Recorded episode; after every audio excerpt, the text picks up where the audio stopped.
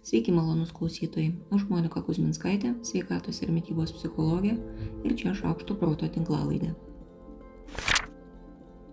Daniel Kahneman - Triukšmas. Tikrai pamenačiau autoriaus knygą apie greitą ir lėtą mąstymą. Jei ne, labai rekomenduoju rasti ir ją. Esu ją citavusi ir siūliusi nesuskaičiuojamą skaičių kartų ir tam tikrai matau gerų priežasčių.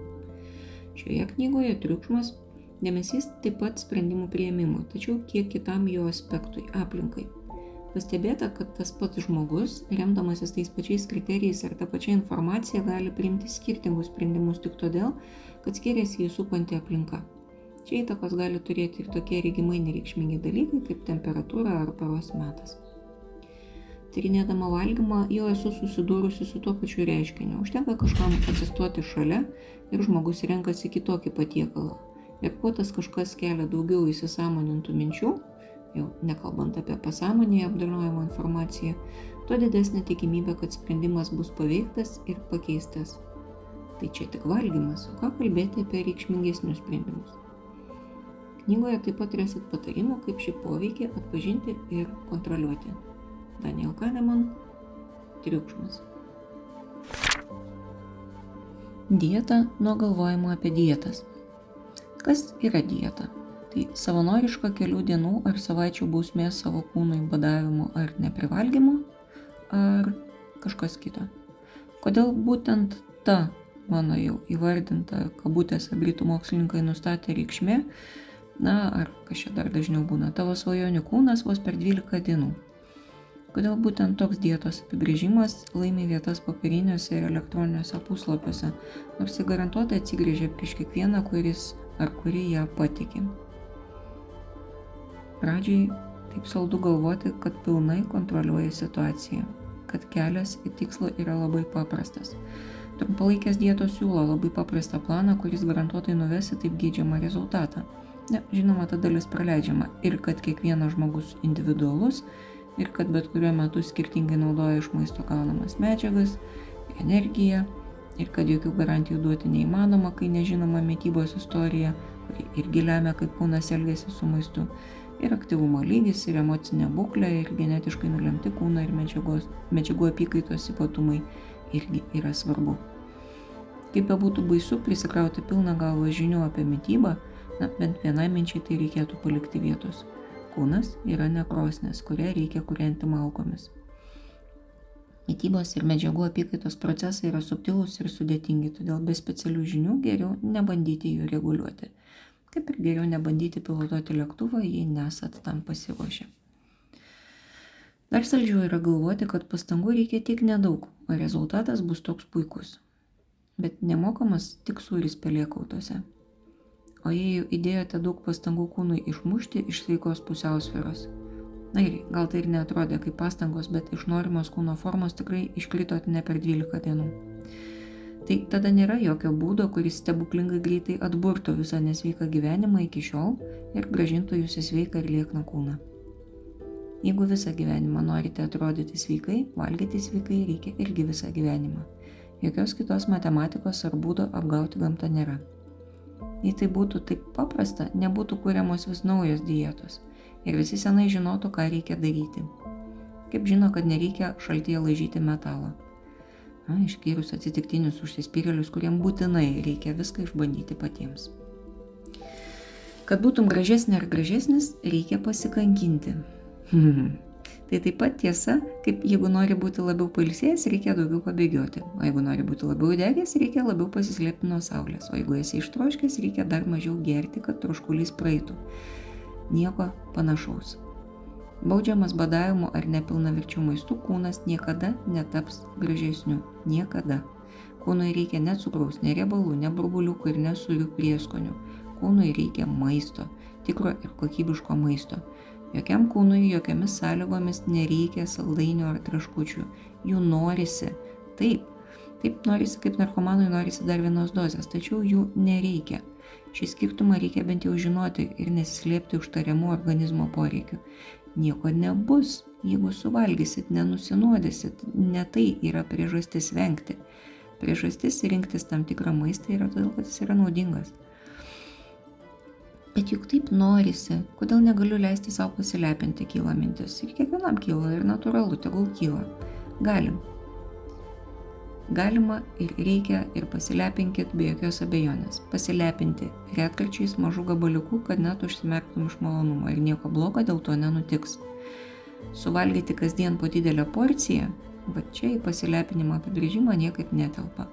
Ir nereikia bent jau savo meluoti. Tokiu atveju reikia ir sakyti Noriu kasdien valgyti daug nesveikai ir atrodyti iš koto verčiančiai.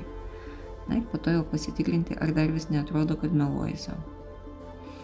Vienintelė gera dieta yra dieta jūsų mintim.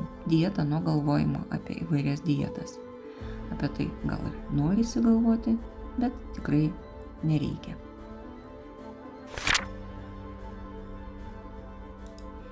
Toks truputį širpus, bet man atrodo reikalingas tyrimas. Šiame tyrime dalyvavo šimtamečiai. Be ne 19 procentų tyriamųjų pasižymėjo nepakankamos kokybės ar kiekybės mytyba. Angliškai visą tai sutraukta po terminu malnutrition. Tarp tyrimo metu mirusiųjų buvo reikšmingai daugiau žmonių su per mažu kūno masės indeksu ir nekokybiškai valgiusių, reiškia ištekusių. Apsvarstykim tai, kad su amžium žmonės gali nepavalgyti dėl daugybės priežasčių. Nepamena, kad valgė, ko nors nevirškina, nebepavyksta pasigaminti, taupo pinigus ar dar dėl kitų. Nors tai labai platus priežasčių ratas, bet norisi spėti, jog pagerinta mytyba galėtų padovanoti ilgesnį ir galbūt kokybiškesnį gyvenimo saulėlydį, kurį kiekvienas iš mūsų gal galėtumėm padovanoti savo artimiesiems.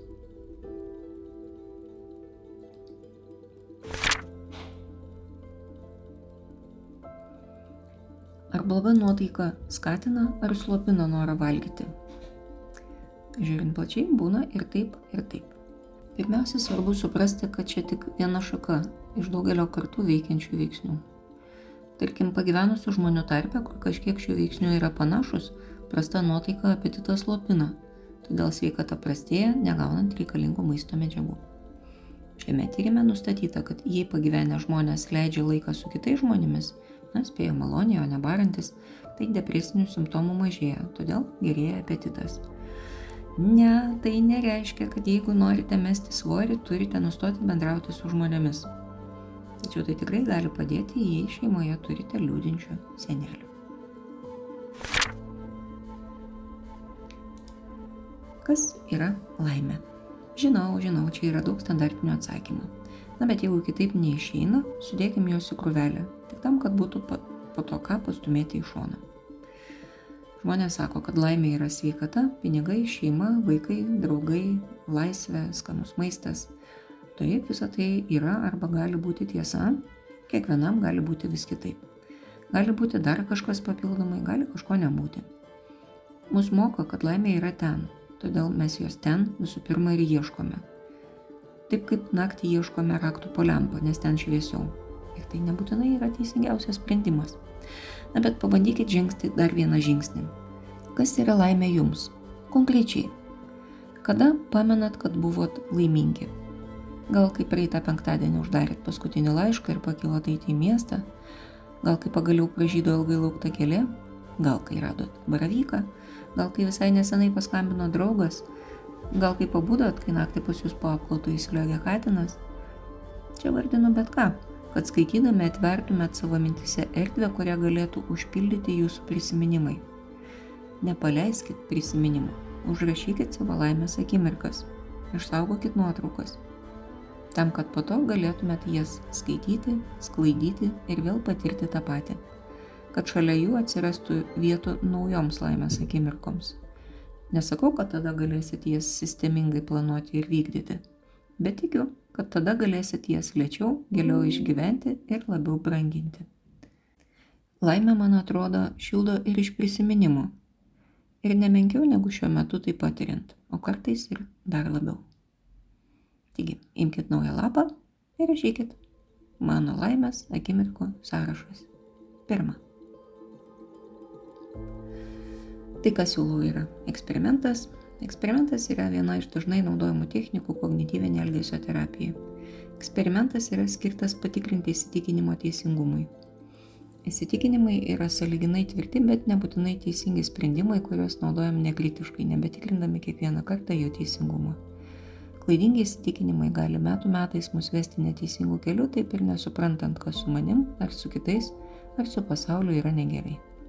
O eksperimentas leidžia atpažinti klaidas įsitikinime ir stovint akistatoje su nauja informacija, jį pataisyti ir perkonstruoti iš naujo. Jeigu eksperimentuojat, pasidalinkit prašau savo patyrimais. Bus labai įdomu ir visiems naudinga. Šiai savaitėjai tiek. Aš Monika Kuzminskaitė, sveikatos ir mytybos psichologė, padedu spręsti kasdienius ir sudėtingus elgesio, mąstymo ir emocijų klausimus. Rašau, skaitau paskaitas, teikiu psichologinės konsultacijas. Mane rasit socialiniuose tinkluose vardu Šaukštas Proto arba gyvai Vilniuje Goštauto gatvėje. Rašykit man asmeninę žinutę socialiniuose tinkluose arba elektroniniu paštu adresu šaukštas.proto atgmail.com taikos ir ramybės